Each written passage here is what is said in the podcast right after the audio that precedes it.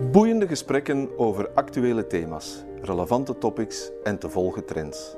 Welkom op de Vlaio podcast waar ondernemers en hun netwerk een stem krijgen, hun plannen vorm en hun ambities een klankbord.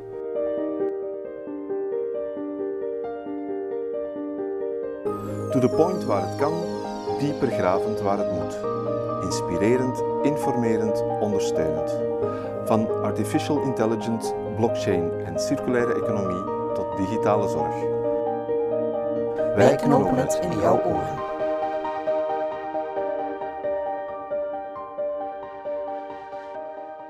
Dag Bruno. Dag Werner. We doen deze podcast opnieuw COVID-proof vanuit ons eigen kot. En vandaag bespreek ik met jou het boek Durven voor Morgen van Saskia van Uffelen. Wie is zij? Wat moeten onze luisteraars over haar weten? Ja, Saskia van Uffelen is een ervaren IT-ondernemer hier in België. Luisteraars kennen haar waarschijnlijk het beste als voormalig CEO van Ericsson België, maar ze zit ook in de raad van bestuur van een aantal service- en IT-bedrijven. Bovendien is ze ook een digital champion voor de Belgische overheid en adviseert ze daarbij over digitale initiatieven en hoe je digitale competenties als werknemer of als werkzoekende kan verhogen. Het is niet haar eerste boek.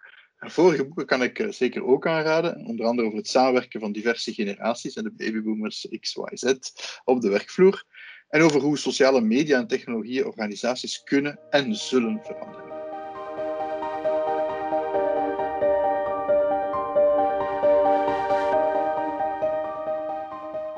Over die boeken zullen we het nog doorheen uh, ons uh, gesprek uh, af en toe hebben. Maar ik wil jou eerst als filosoof vatten, omdat ik zelf al door tijdens het lezen van het boek moest denken aan de Duitse dichter Rilke en zijn fameuze eindzin Du musst dein Leben ändern. Een zin die later ook door de filosoof Peter Sloterdijk als titel van een filosofische practice gebruikt werd. Zegt jou dat iets? Ja, dat zegt me zeker iets. Uh, ja, verder gaan we, gaan we de filosofische tour op. Hè. Goed plan, goed plan. Ja, dit boek gaat inderdaad over verandering. En misschien toch wel heel fundamentele veranderingen, zowel persoonlijk als voor een, een bedrijf.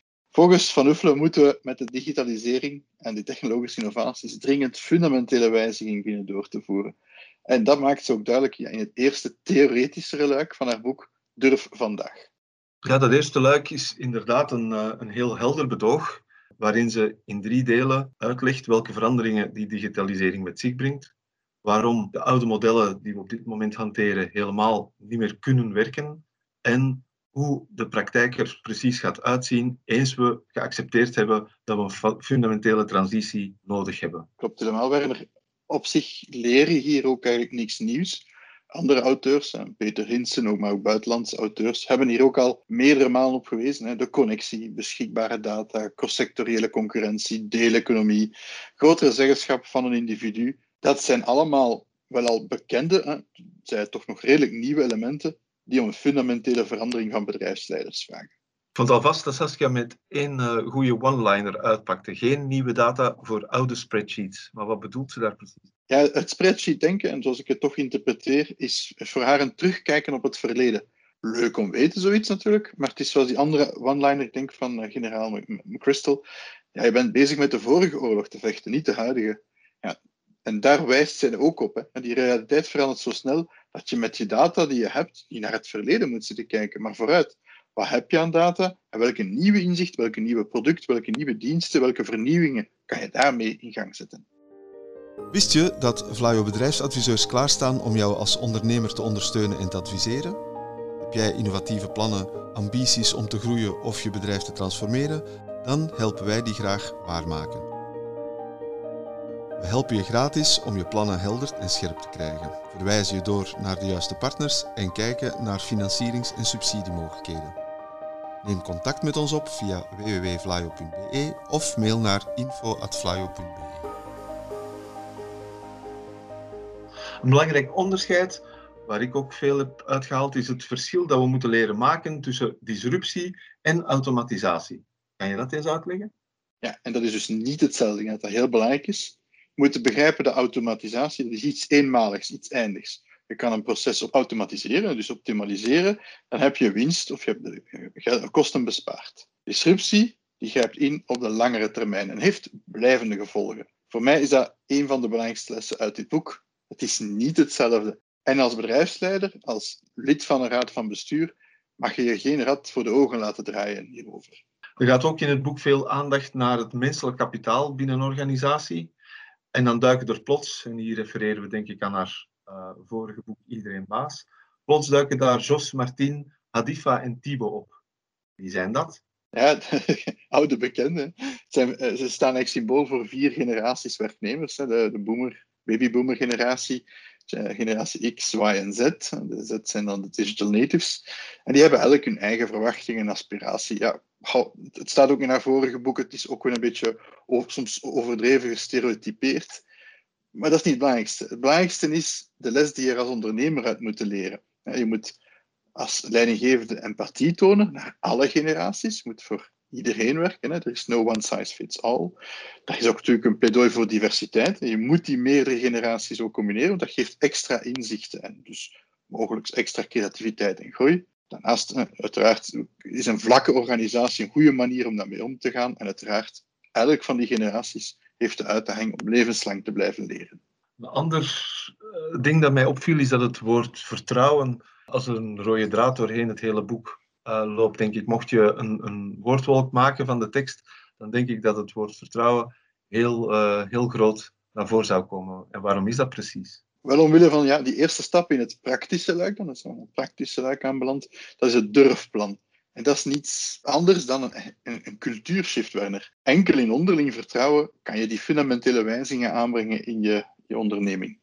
Je ziet het nu ook met die corona-lockdown. Mensen of bedrijven die technologie gebruiken om hun werknemers te controleren. Ja, zo ga je dus geen vertrouwen creëren natuurlijk. Zo gaat het niet lukken.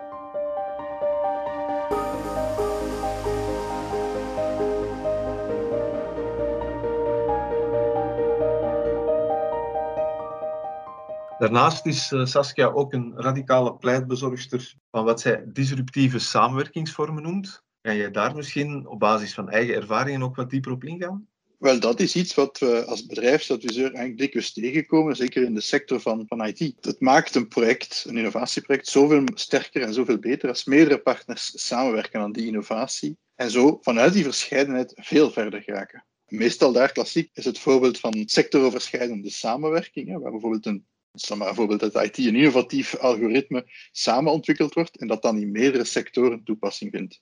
Maar je kan hierbij ook verder gaan. Waarom werk je niet samen met je concurrenten? Bankcontact, It's Me, dat zijn eigenlijk al voorbeelden van zo'n samenwerking van concurrenten en toch zijn ze zeer innovatief. En dat gaat verder dan enkele bedrijven die samenwerken. Ook werknemers, dat is van, van Nuffelen breekt daar een lans voor, moeten kunnen voor meerdere bedrijven, zes concurrenten, kunnen werken tegelijk.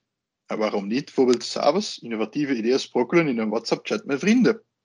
Als je daar als ondernemer in een kramp schiet, krampachtig op, op gereageerd om af te blokken, non-disclosure agreements, ja, dan zegt ze, je bent eigenlijk verkeerd bezig. Niet alleen wegens het gebrek aan vertrouwen, dat, is, dat is gewoon dodelijk voor innovatie, maar ook omdat het eigenlijk pijnlijk aantoont dat je als onderneming op dat moment niet meer aan de lange termijn aan het denken bent. Enkel op de korte termijn defensief verdedigend. Dat durfplan is het praktische luik van het boek. Je hebt het al eigenlijk geïntroduceerd, waarin ze in zeven stappen leidinggevende ingrijpende veranderingen wil laten uitvoeren.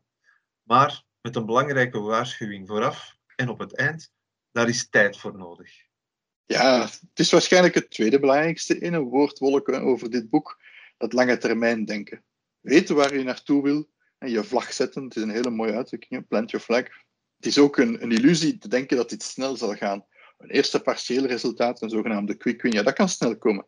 Maar eigenlijk is het toch iets dat pas op lange termijn vruchten afwerpt.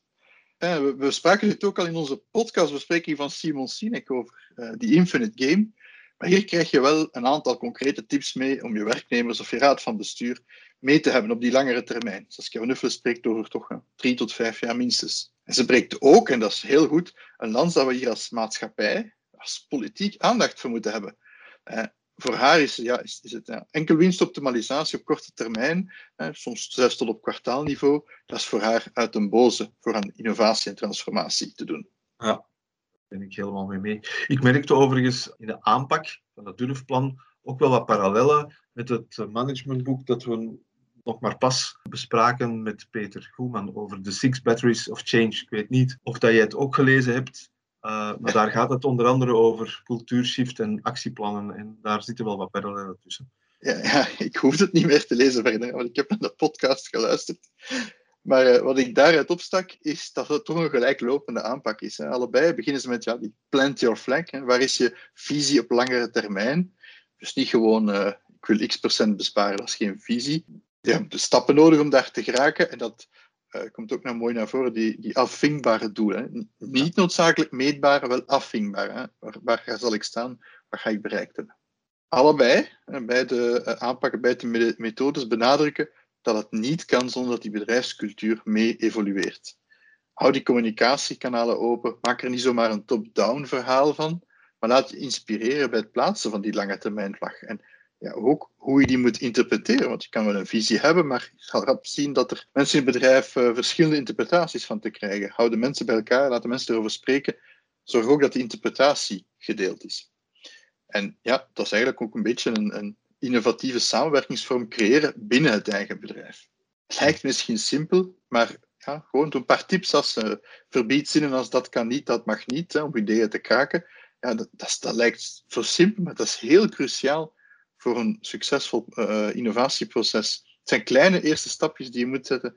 Ik, ik herinner me dat ik zo eens een tijdje geleden een workshop gaf rond innovatieve ideeën, wat kunnen we laten evolueren in een bedrijf.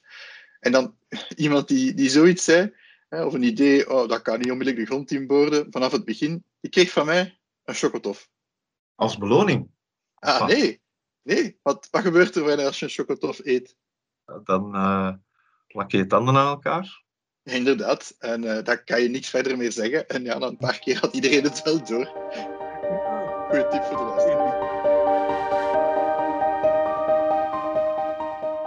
Luisteraars zijn natuurlijk niet allemaal leidinggevende is dat boek dan ook alleen voor leidinggevend bestemd of halen zij daar voor zichzelf ook iets uit? Het boek is inderdaad geschreven voor een uh, publiek van CEO's, CFO's, leden van een raad van bestuur. Dat is het milieu waar Van Uffelen zelf professioneel in beweegt. Maar in haar vorige boek, Iedereen Baas, had Saskia de gedachte ontwikkeld dat ieder van ons als een soort manager, een, een soort CEO is, tenminste toch van, van je eigen leven.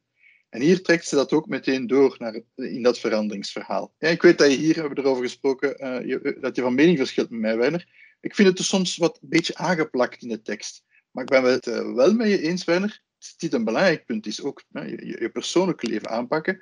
En ik hoop echt dat ze hier in een volgend boek nog eens uitvoerig op terugkomt. Mm -hmm. En het is wel waar, elk van deze suggesties en voorstellen gelden ook voor jezelf. Ook jij kan voor jezelf een analyse maken. Die disruptieve vlagplanten, waar wil je binnen drie tot vijf jaar staan? Actieplannen uiteraard uittekenen van hoe je daar geraakt, met afvinkbare doelen. En hm. daarom is het boek ook voor niet-leidinggevenden een bron van inspiratie. Voor jouw ontwikkeling en ook in welk soort bedrijf wil je graag verder evolueren.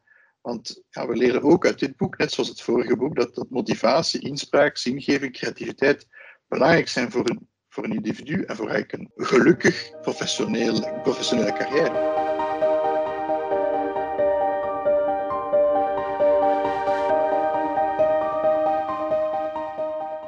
Lange termijn versus korte termijn, disruptie versus automatisatie. Saskia van Uffelen weet de ogenschijnlijke tegenstellingen heel vlot te overbruggen, vind ik. Ja, zoals zo vaak in het leven, Werner, is het niet of-of, maar en-en.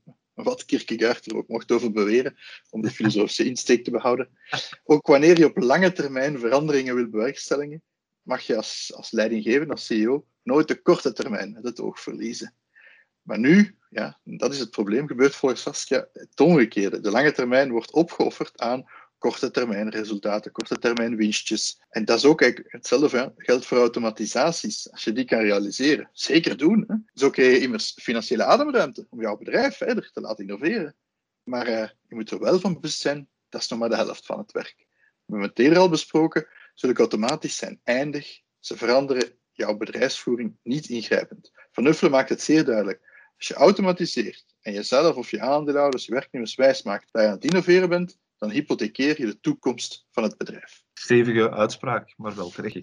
Hmm. Ik heb het boek alvast graag gelezen. Het is helder in beknop geschreven. En vooral aan de praktische tips en tricks heb je wel wat ook voor je eigen leven. Wat vond jij ervan, Bruno? Ja, ik apprecieer sterk dat ze zo scherp de lijn trekt tussen automatisatie en disruptie. Dat is een ja, discours dat nog niet voldoende aan bod komt in de ondernemerswereld. Hè ook het denken op lange termijn met pas afrekenen op de eindmeet, niet per kwartaal, dat zouden wij als maatschappij meer moeten benadrukken. Ja, tot slot, leest het ook aangenaam. Het is een typisch Europees, zelfs Vlaamse insteek.